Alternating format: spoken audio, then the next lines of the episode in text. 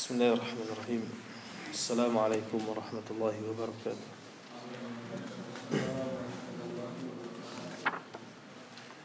إن الحمد لله نحمده ونستعينه ونستغفره ونستهديه ونعوذ بالله من شرور أنفسنا ومن سيئات أعمالنا. من يهده الله فلا مضل له ومن يضلل فلا هادي له. أشهد أن لا إله إلا الله وحده لا شريك له وأشهد أن محمدا عبده ورسوله الذي لا نبي ولا رسول بعده.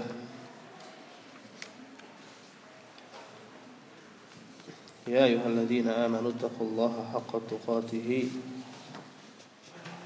ولا تموتن إلا وأنتم مسلمون. أما بعد فإن أصدق الحديث كتاب الله وخير الهدي هدي محمد صلى الله عليه وسلم وشر الأمور محدثاتها وكل محدثة بدعة وكل بدعة ضلالة وكل ضلالة في النار. Pada beberapa pertemuan yang lalu kita membahas rukun iman atau afwan, rukun Islam yang pertama yaitu dua kalimat syahadat dan yang baru dibahas adalah syahadat la ilaha illallah. Baik, kita membahas dari sisi makna yang artinya la ma'budu bihaqqin illallah tidak ada yang berhak disembah kecuali Allah. Nah, di mana kalimat la ilaha illallah ini memiliki dua rukun. Yang pertama adalah an-nafyu yaitu penafian atau penolakan yang dimaksud adalah menolak sesembahan selain Allah. Yaitu terdapat pada kalimat la ilaha.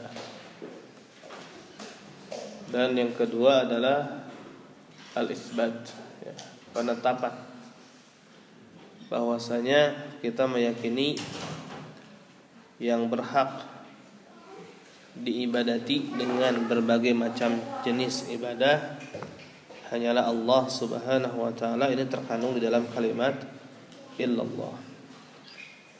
Demikian juga ya, kita membahas syarat-syarat dari kalimat la ilaha illallah di mana tidak akan bermanfaat ucapan la ilaha illallah yang diucapkan oleh seseorang kecuali kalau terpenuhi syarat-syaratnya. Ya. Syekh bin Baz rahimahullahu taala menyebutkan ada delapan syarat. Sebagian ulama lain menyebutkan ada tujuh syarat, ya, namun tidak ada pertentangan ya, di antara penjelasan-penjelasan tersebut karena yang kedelapan ini sebetulnya terkandung di dalam ya syarat yang lain. Pertama adalah ilmu ya, yang menafikan kebodohan. Maksudnya ilmu mengenai makna la ilaha illallah. Kemudian yakin yang menafikan keraguan-raguan. Kemudian ikhlas yang menolak segala bentuk pensyirikatan atau syirik. Kemudian as-sidqu jujur yang menafikan kebohongan. Kemudian al-mahabbah kecintaan yang menafikan kebencian. Kemudian al-inqiyad ya, ketundukan atau kepatuhan yang meniadakan atau menafikan sikap acuh atau meninggalkan al-qabul menerima yang menafikan sikap penolakan terhadap segala konsekuensi dari kalimat la ilaha illallah. Kemudian yang terakhir wal kufru bima yu'badu min dunillah. Ya. mengingkari segala sesuatu yang disembah selain Allah. Ini sebetulnya bisa terkandung di dalam syarat yang pertama yaitu ilmu. Ya. Karena yang dimaksud ilmu itu adalah mengetahui makna dari kalimat la ilaha illallah menafikan dan menetap menetapkan. Yang menafikan sesembahan selain Allah ini maksudnya ingkar kepada yang disembah selain Allah. Ya, dan menetapkan bahwa yang berhak disembah hanyalah Allah Subhanahu wa taala. Selanjutnya syahadat yang kedua yaitu syahadat wa anna Muhammadar Rasulullah. Berkata Syekh Ibnu Baz rahimahullahu taala مع بيان شهادة أن محمدا رسول الله ومقتضاها تصديقه فيما أخبر وطاعته فيما أمر واجتناب ما نهى عنه وجزر ولا يعبد الله إلا بما شرعه الله عز وجل ورسوله صلى الله عليه وسلم disertai dengan penjelasan syahadat anna Muhammadan Rasulullah bahwasanya Muhammad adalah utusan Allah wa muqtadaha muqtada ya tuntutan dari kalimat ini konsekuensi dari kalimat ini artinya apa? Apa yang harus kita lakukan setelah kita mengucapkan wa anna muhammadan rasulullah? Ya jelas kalau kita mengucapkan la ilaha illallah berarti maksudnya adalah kita harus beribadah hanya kepada Allah dan meninggalkan segala bentuk kesyirikan meninggalkan segala bentuk peribadatan kepada selain Allah. Itu yang diinginkan dari kalimat la ilaha illallah itu adalah kita hanya mengesahkan Allah di dalam ibadah ibadah. Salat kita untuk Allah. Ruku sujud kita untuk Allah. Kita berdoa hanya kepada Allah. Ya ruku e, bertawakal hanya kepada Allah. Bernazar hanya untuk Allah. Berkurban hanya untuk untuk Allah ya takut cinta hanya kepada Allah kepada Allah dan seluruh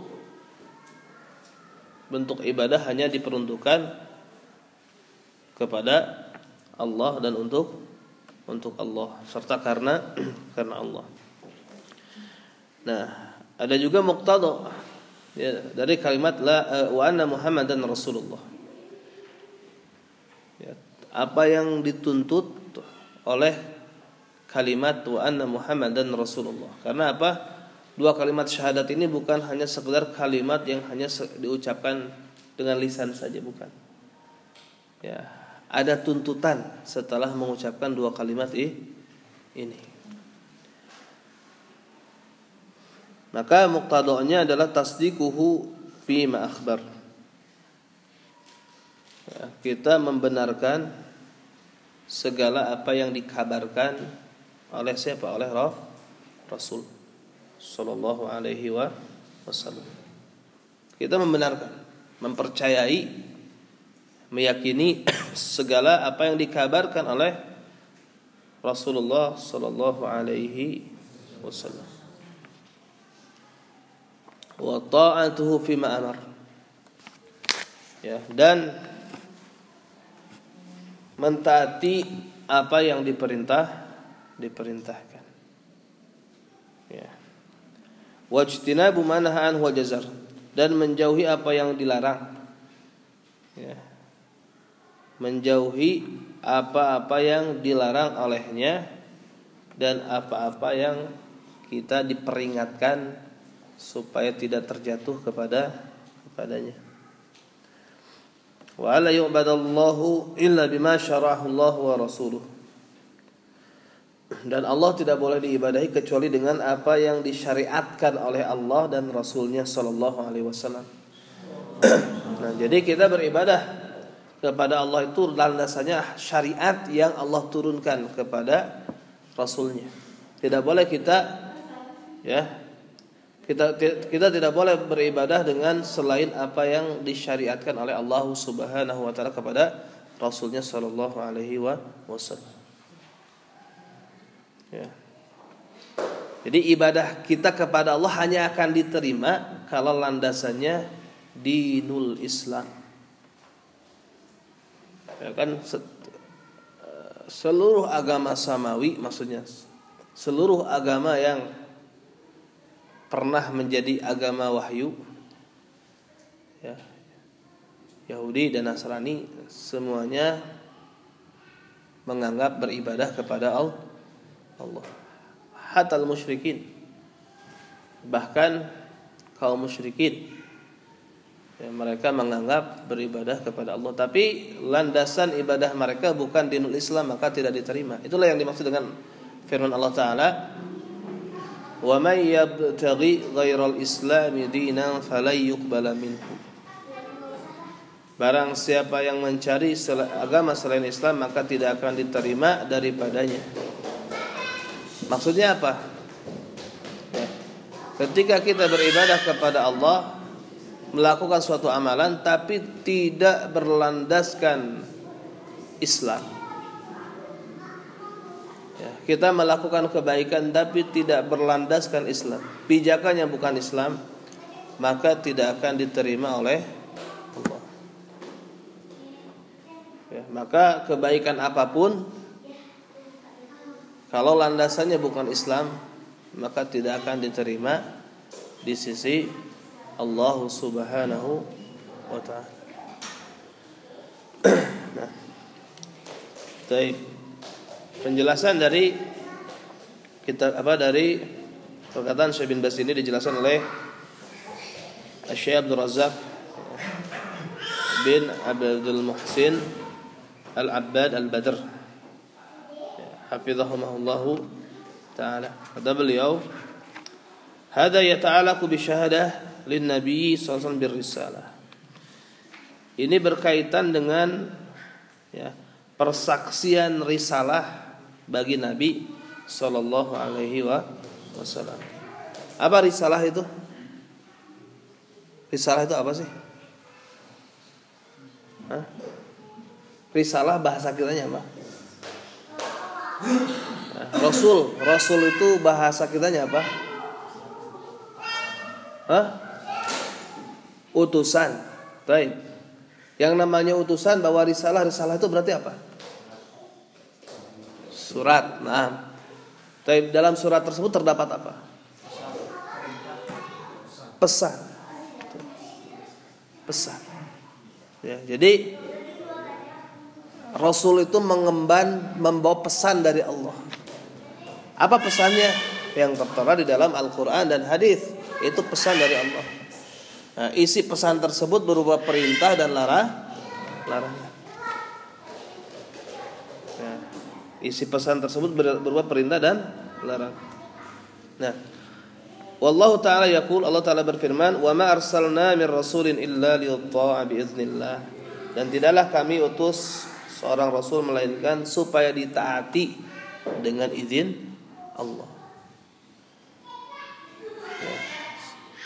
Dan ini harus dimengerti, ya. Jadi antum melaksanakan sholat, ya, menjauhi larangan-larangan Allah, itu sedang taat kepada Allah, ya bukan taat kepada siapa pun. Ya. Bukan taat kepada siapa pun. Ketika antum menjaga sholat dan melaksanakan ibadah-ibadah yang lain, meninggalkan larangan-larangan Allah, maka itu kalian ini sedang taat kepada Allah. Nah, hadirkan perasaan tersebut. Kalian bukan sedang taat kepada siapa pun, bukan taat ke sekolahan, bukan taat ke anak, misalkan guru akidah, ya, akhlak atau guru fikih, ya. bukan. Anak nggak mampu untuk mengazab ataupun memberikan pahala kepada antum. Yang akan mengazab atau memberi pahala adalah Allah Subhanahu wa taala. Ya.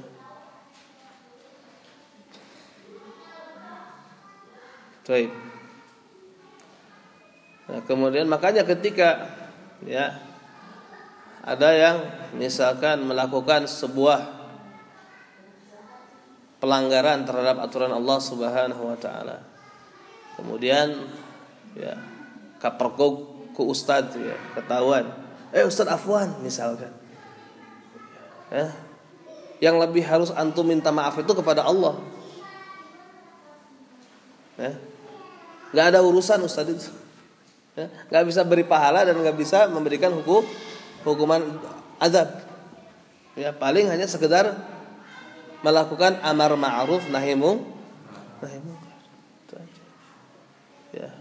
Urusan dosanya ya antum antara antum dengan Allah Subhanahu wa taala. Ya, bisa dipahami nggak? Nah, sehingga apa kalau keyakinannya seperti ini, ya antum akan tetap beribadah kepada Allah di mana pun juga berada. Nah, aku antum akan tetap meninggalkan larangan Allah di mana pun berada. Karena apa? Terikatnya dengan Allah bukan terikat dengan sekolahan, nggak ada urusan dengan sekolahan. Ya, nggak ada, nggak ada urusan. Cuman sekolahan wajib menegakkan amar ma'ruf nahi munkar.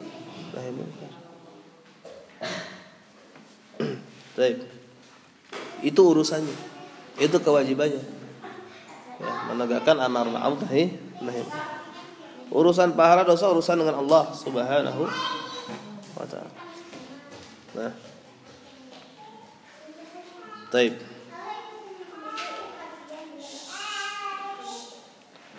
Dan syahadat ini dan syahadat anna Muhammad Rasulullah ini merupakan qarinah ya merupakan hal yang menyertai syahadat persaksian keesaan bagi Allah Subhanahu wa taala. Dan ini merupakan besarnya kemuliaan Nabi alaihi salatu wasalam dan menunjukkan tingginya kedudukan beliau. Kenapa? Dikarenakan Allah Subhanahu wa taala menggandengkan persaksian keesaannya ya dengan persaksian risalah yang diemban oleh Rasul Shallallahu Alaihi Wasallam.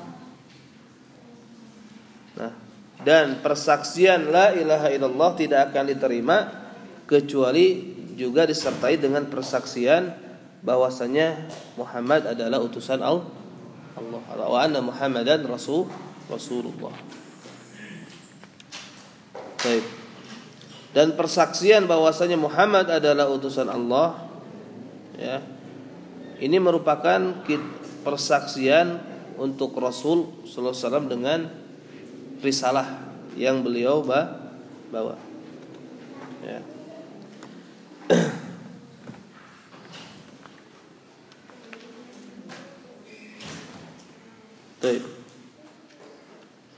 Nah, maka tadi dikatakan ya wa ma arsalna min rasulin illa liyuta'a bi izni bi iznillah. Tidaklah kami utus seorang rasul melainkan supaya ditaati dengan izin izin Allah. Nah, maka ini ya maka ini tujuan diutusnya para rasul untuk apa? Untuk supaya ditaati. Jadi tujuan diutusnya para rasul supaya mereka ditaat ditaati. Tidak cukup seseorang mengatakan asyhadu annahu rasulun misalkan. Aku bersaksi bahwasanya dia adalah utusan. Ya, tidak cukup kita hanya sekedar bersaksi bahwasanya Nabi Muhammad adalah utusan Allah atau para rasul itu merupakan utusan-utusan Allah. Maka di samping bersaksi dengan hal tersebut, wajib kita mentaati rasul yang diutus ter tersebut. Dan melaksanakan perintahnya. Dan berhenti dengan artian meninggalkan apa-apa yang dia larang dilarangnya. Dan membenarkan apa-apa yang dikabarkan oleh olehnya. Oleh karena itu penulis Ad-Durusul Muhimmah Syekh bin Baz rahimallahu taala ya, mengatakan wa muqtadaha ya, muqtada tuntutan dari kalimat ini adalah tasdiquhu fima akhbar ya. Membenarkan apa yang dikabarkan wa ta'atuhu fima amar mentaati apa yang dilarang wajtinabu manaha anhu dan menjauhi apa yang ya dilarang dan diperingatkan wala yu'badallahu illa bima syarahu Allah wa rasuluhu dan tidak boleh Allah diibadahi melainkan dengan apa yang disyariatkan oleh Allah Azza wa Jalla dan Rasulnya Shallallahu Alaihi Wasallam. Inilah cara merealisasikan syahadat anna Muhammadan Rasulullah. Yaitu seseorang hamba melaksanakan apa yang menjadi tuntutan dari syahadat tersebut yaitu berupa ketaatan kepada Rasul alaihi salatu di dalam hal perintah-perintahnya. Berarti dilaksanakan. Taat dalam hal larangannya berarti meninggalkan larangan ter tersebut. Ya. Dan membenarkan apa yang di dikabarkan oleh olehnya. Nah karena Nabi SAW datang mengemban risalah dari Allah dengan tiga hal. Jadi pesannya itu ada tiga hal. Jadi pesan dari Allah itu ada tiga Apa saja. Berupa perintah Berupa larangan Berupa kabar. Ya, Itu. Di Al-Quran itu adalah isinya perintah, larangan, dan kabar. Berita. Ya Perintah, larangan, dan beri Berita. Ya. Maka barang siapa yang bersaksi atas risalah yang diemban oleh beliau alaihi salatu wasalam maka hendaknya dia membenarkan segala apa yang dikabarkan dan melaksanakan segala apa yang diperintahkan dan berhenti dari segala apa yang dilarang olehnya salawatullah wassalamuhu alaihi maka persaksian anna Muhammad dan Rasulullah yang dimaksud adalah tajridul mutabah li Rasul alaihi salatu wassalam memurnikan ittiba ya. Memurnikan mutabah kita kepada Rasul Shallallahu Alaihi Wasallam. Maksudnya apa? Tidak ada panutan bagi kita kecuali roh Rasul. Tidak ada contoh teladan yang kita ikuti kecuali roh Rasul Shallallahu Alaihi Wasallam. Sebagaimana kalimat la ilaha illallah yang dimaksud dengan yang dimaksud adalah mentahkik atau merealisasikan tauhid kepada Allah dan mengikhlaskan ibadah hanya kepadanya.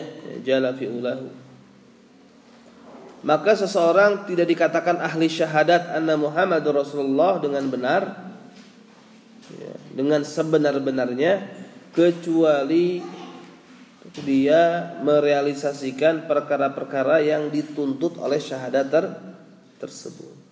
Ya, berupa ketaatan kepada Rasul alaihi wassalam. Ya, dalam hal menjalankan perintah atau meninggalkan larangan dan membenarkan apa yang dikabarkan oleh olehnya sallallahu alaihi wasallam dan tidak beribadah kepada Allah kecuali dengan apa yang disyariatkan. Artinya dengan ajaran yang dibawa oleh Rasul alaihi salatu wasallam. Nah. Taib. Dan beliau alaihi salatu wasallam merupakan rasul. Ya. Dan rasul utusan tugasnya adalah menyampaikan pesan dari yang mengutusnya. Yang namanya utusan tugasnya adalah menyampaikan pesan dari yang mengutus mengutusnya. Wa ma 'ala rasuli illal balagh. Ya, tidak ada kewajiban bagi rasul melainkan hanya sekedar menyampai menyampaikan. Dan beliau telah menyampaikan dengan jelas. Nah, tidak ada suatu kebaikan pun melainkan oleh beliau telah ditunjukkan kepada umat dan tidak ada suatu kejelekan pun melainkan beliau telah memperingatkannya. Ya salawatullah wassalamu wa barakatuh alaih. Min Allah risalah wa ala rasulil balad wa alaina taslim. Jadi risalah itu sumbernya dari siapa? Pesan tersebut sumbernya dari siapa? Dari Allah. Kewajiban rasul? Tugas kita menerima Tugas kita menerima pesan ter tersebut. Ya, yang namanya menerima bisa jadi ya, merealisasikan tiga hal tadi ya, membenarkan kabar, menjalankan perintah dan menjauhi larang larangan.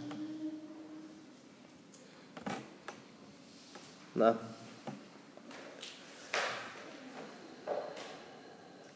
maka barang siapa yang mengatakan asyhadu anna Muhammadan Rasulullah maka hendaknya menerima segala apa yang dibawa oleh roh Rasul.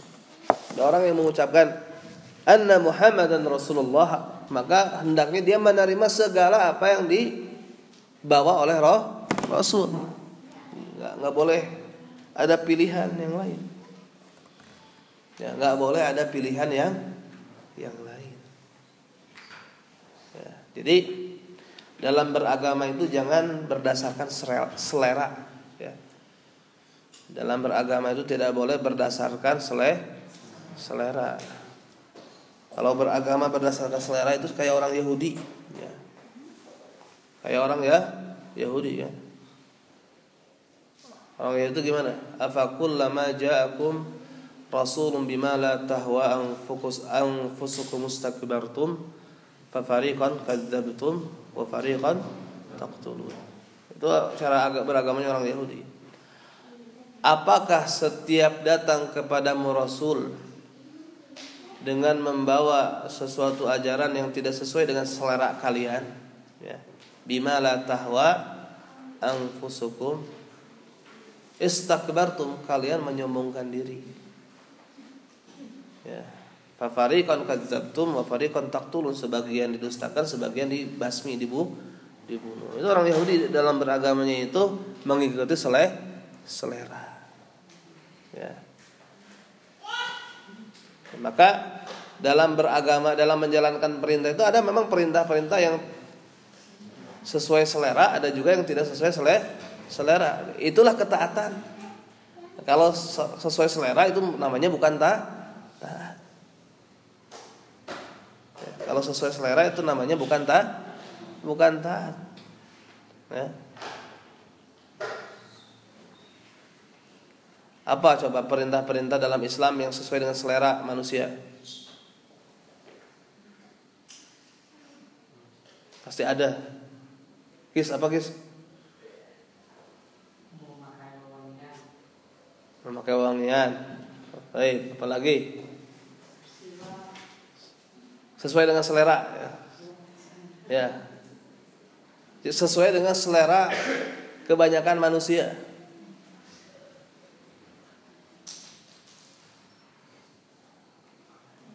Non absor.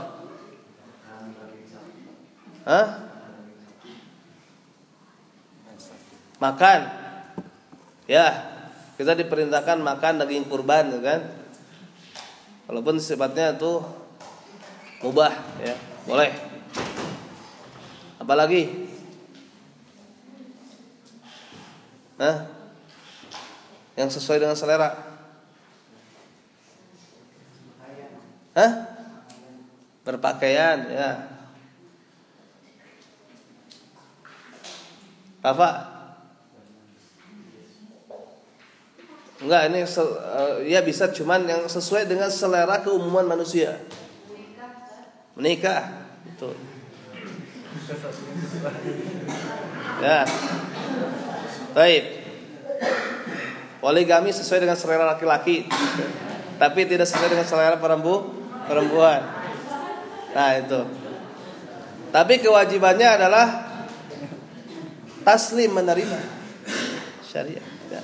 yang tidak sesuai dengan selera jihad.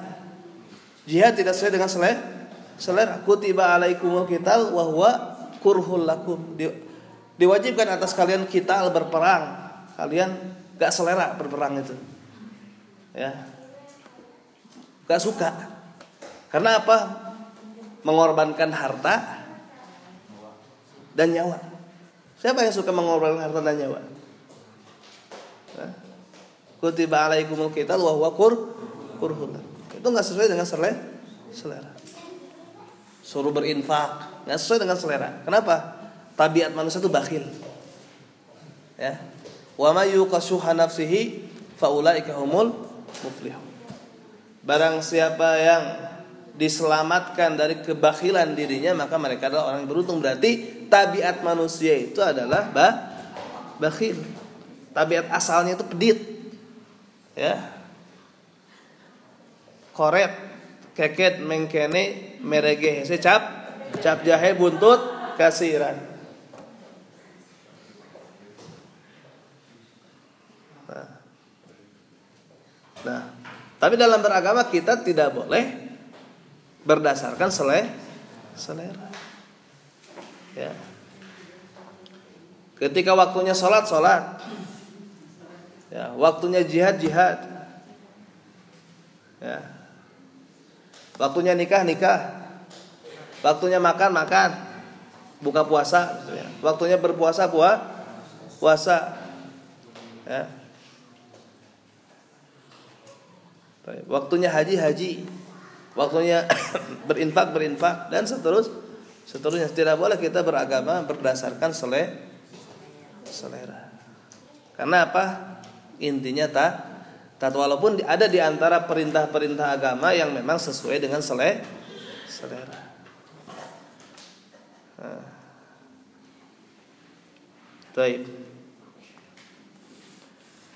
Nah makanya ya, dalam hadis disebutkan ya, la yu'minu ahadukum hatta hawahu taba'an lima ji'tu bihi tidak beriman salah seorang di antara kalian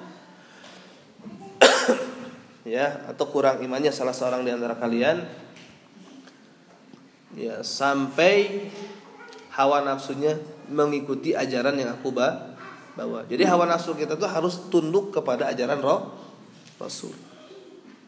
Nah, walaupun ada hal-hal yang tidak sesuai dengan selera, maka kewajiban kita tun tunduk. Ya, ya contohnya tadi dalam Al-Qur'an, kutiba alaikumul qital wa huwa kurhul lakum salah satu contoh. Ya Allah tentu Allah Maha tahu tabiat manusia itu.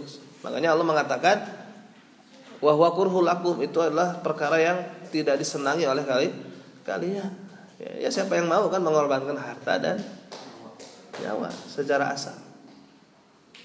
Ya, secara asal manusia itu bakhil terhadap diri eh, apa bakhil dari mengeluarkan apa yang menjadi milik miliknya.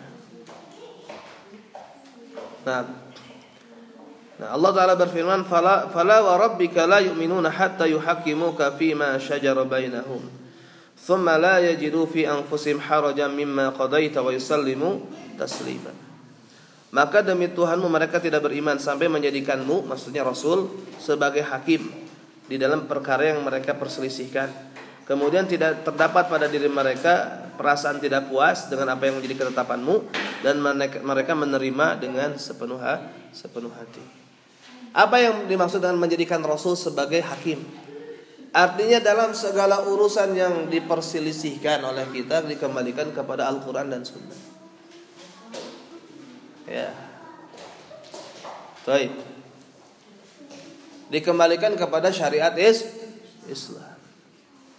Dikembalikan kepada aturan Allah, bukan kepada aturan-aturan yang yang lain. Ya.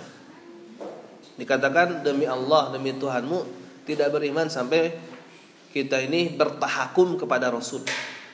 Sampai kita ini betul-betul iltizam ya, mengatakan dengan hati dan lisan kita aku ini berpegang kepada Islam. Ya. Islam adalah peganganku. Way of life cenahnya. Naon? Jalan hidupku. Yang aku berjalan di atas di atasnya.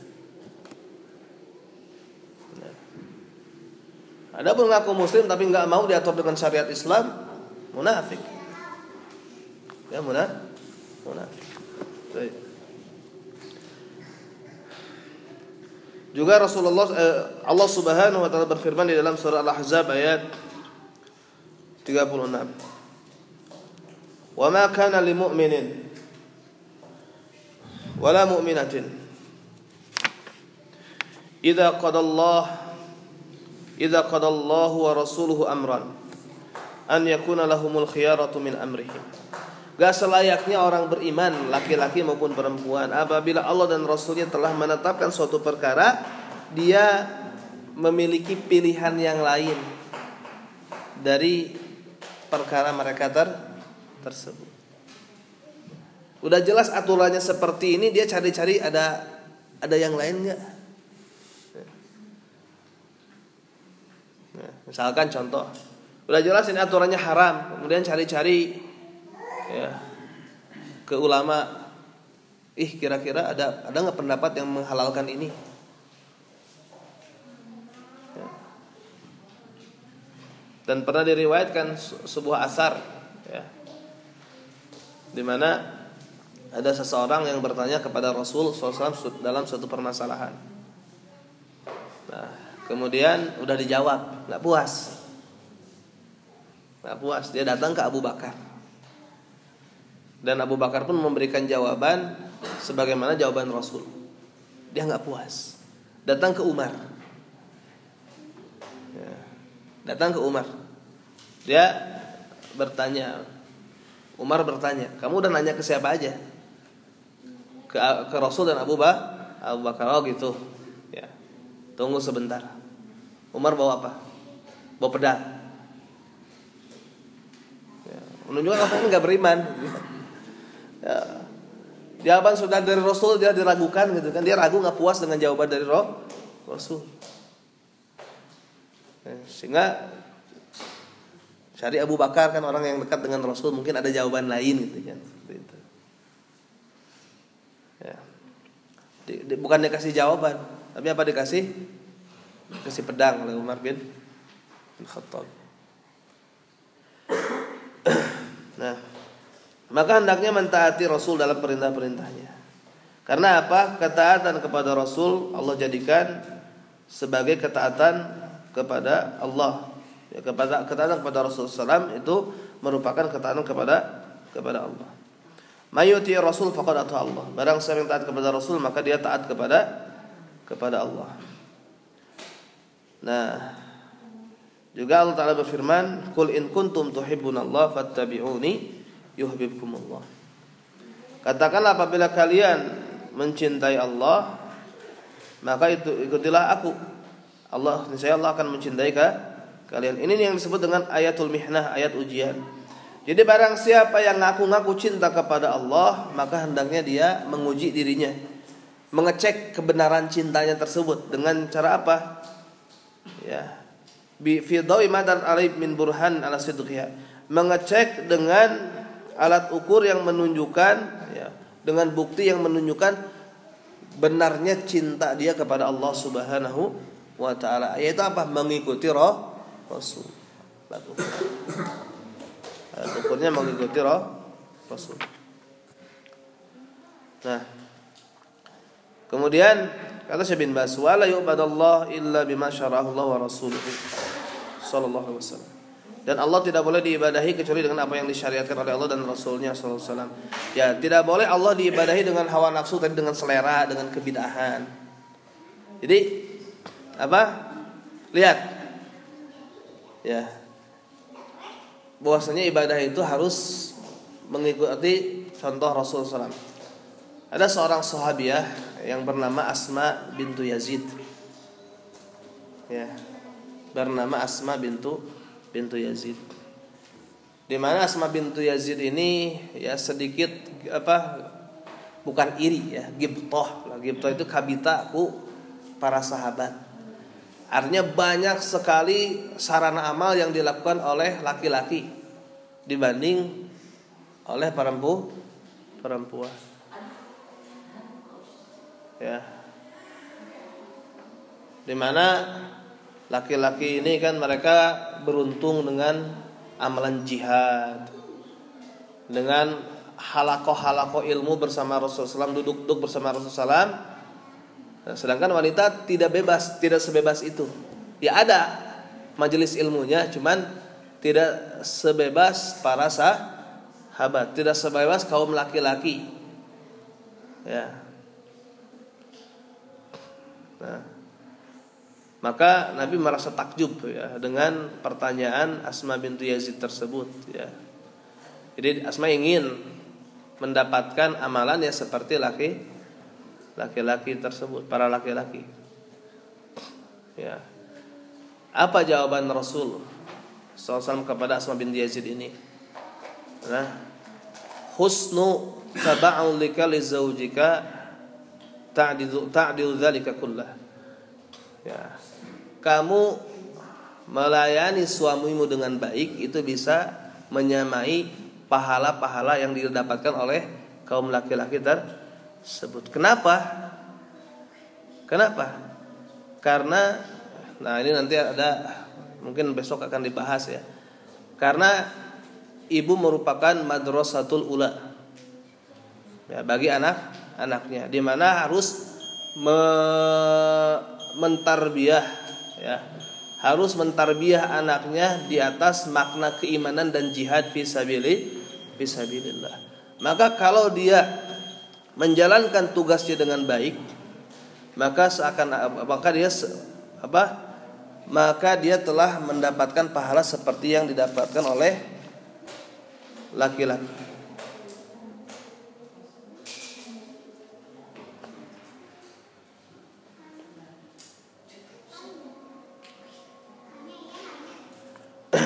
Nah, kita lanjutkan saja.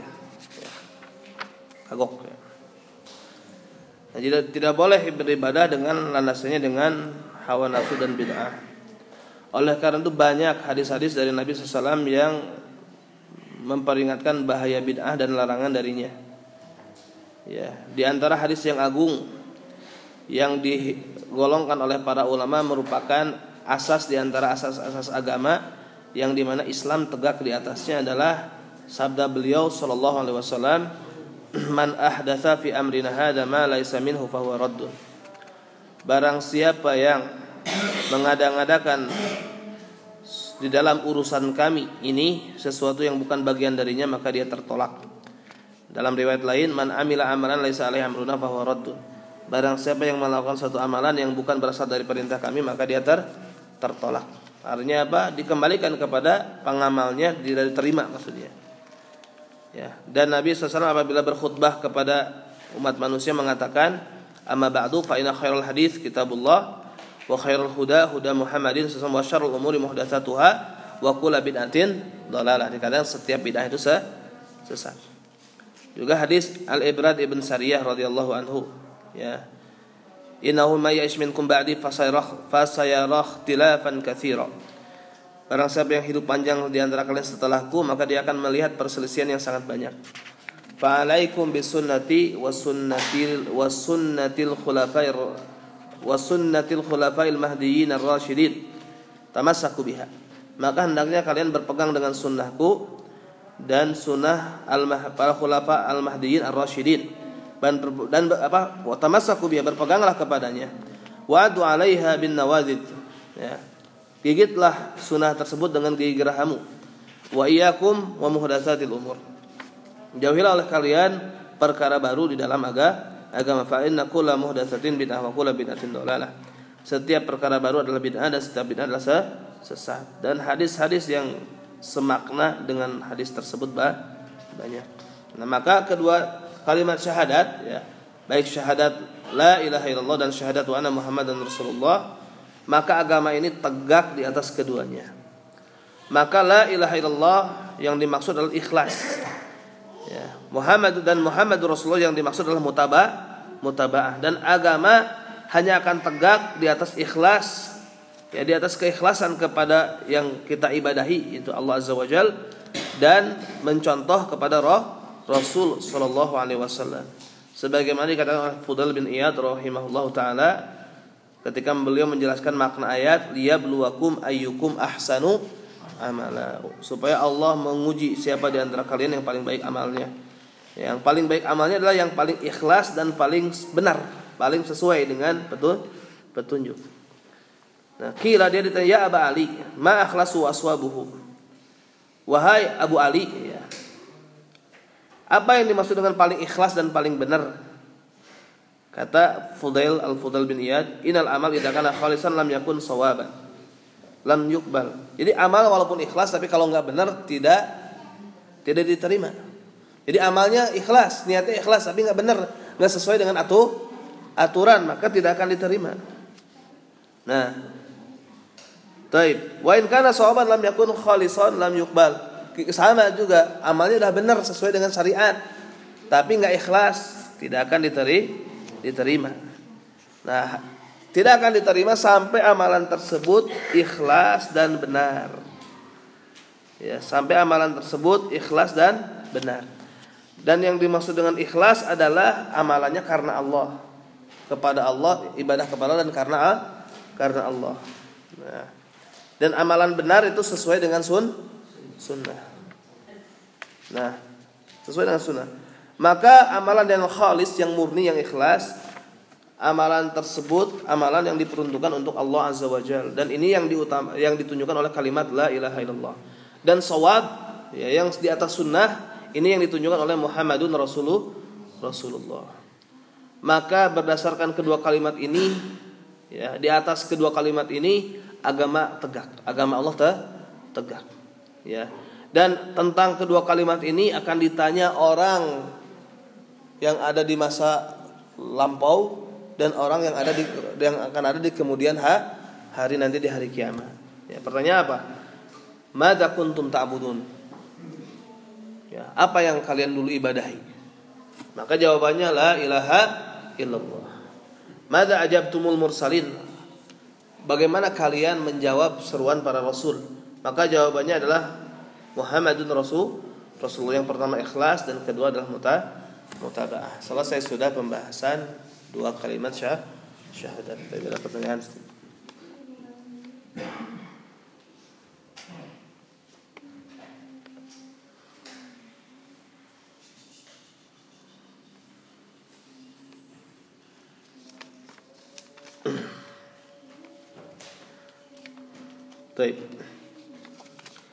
Apakah berpegang, berbekam termasuk sunnah? Ya termasuk sunnah. Dilakukan mendapat pahala ya mendapat pa, pahala. Demikian juga apakah celak juga termasuk sunnah? Ya celak ini celak ini termasuk yang dipakai oleh wanita-wanita di zaman sah sahabat di zaman Nabi Shallallahu Alaihi Wasallam. Ya termasuk hal yang ya termasuk sunnah karena hal tersebut ditakrir. Ya ditakrir oleh Rasulullah SAW bolehnya hal ter tersebut ya. Karena berdasarkan apa? Hadis larangan bercelak menggunakan wangi-wangian ketika seorang perempuan dalam keadaan berihdad bela sungkawa atas kematian suami suaminya. Berarti kalau tidak sedang bela sungkawa itu merupakan kebiasaan perempuan di kalangan sahabat menggunakan cel celak termasuk juga menggunakan khidab ya Khitab ini yang biasa digambar di tangan ya dengan henna gitu kan itu termasuk hal-hal yang biasa dilakukan oleh para perempuan di zaman sahabat di zaman Rasulullah Shallallahu Alaihi Wasallam ya termasuk sunnah dilihat dari sisi dari sisi itu.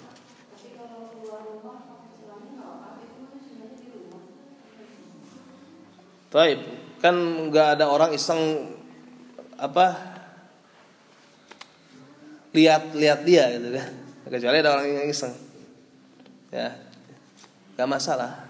Ya tidak tidak masalah bercelak ya. Baik di rumah ataupun di luar rumah. Karena wajah kan termasuk hal yang boleh nampak.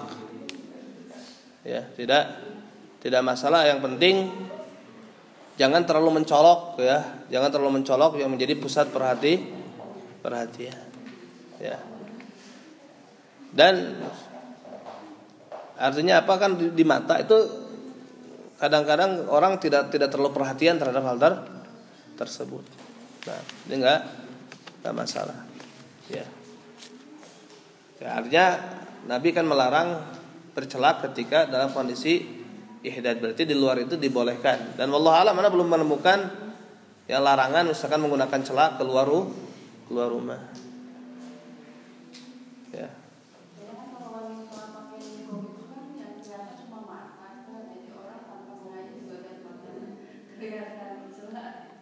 Ya nggak masalah tanpa sengaja kan ya tidak tidak masalah ya tidak tidak masalah ya. Baik.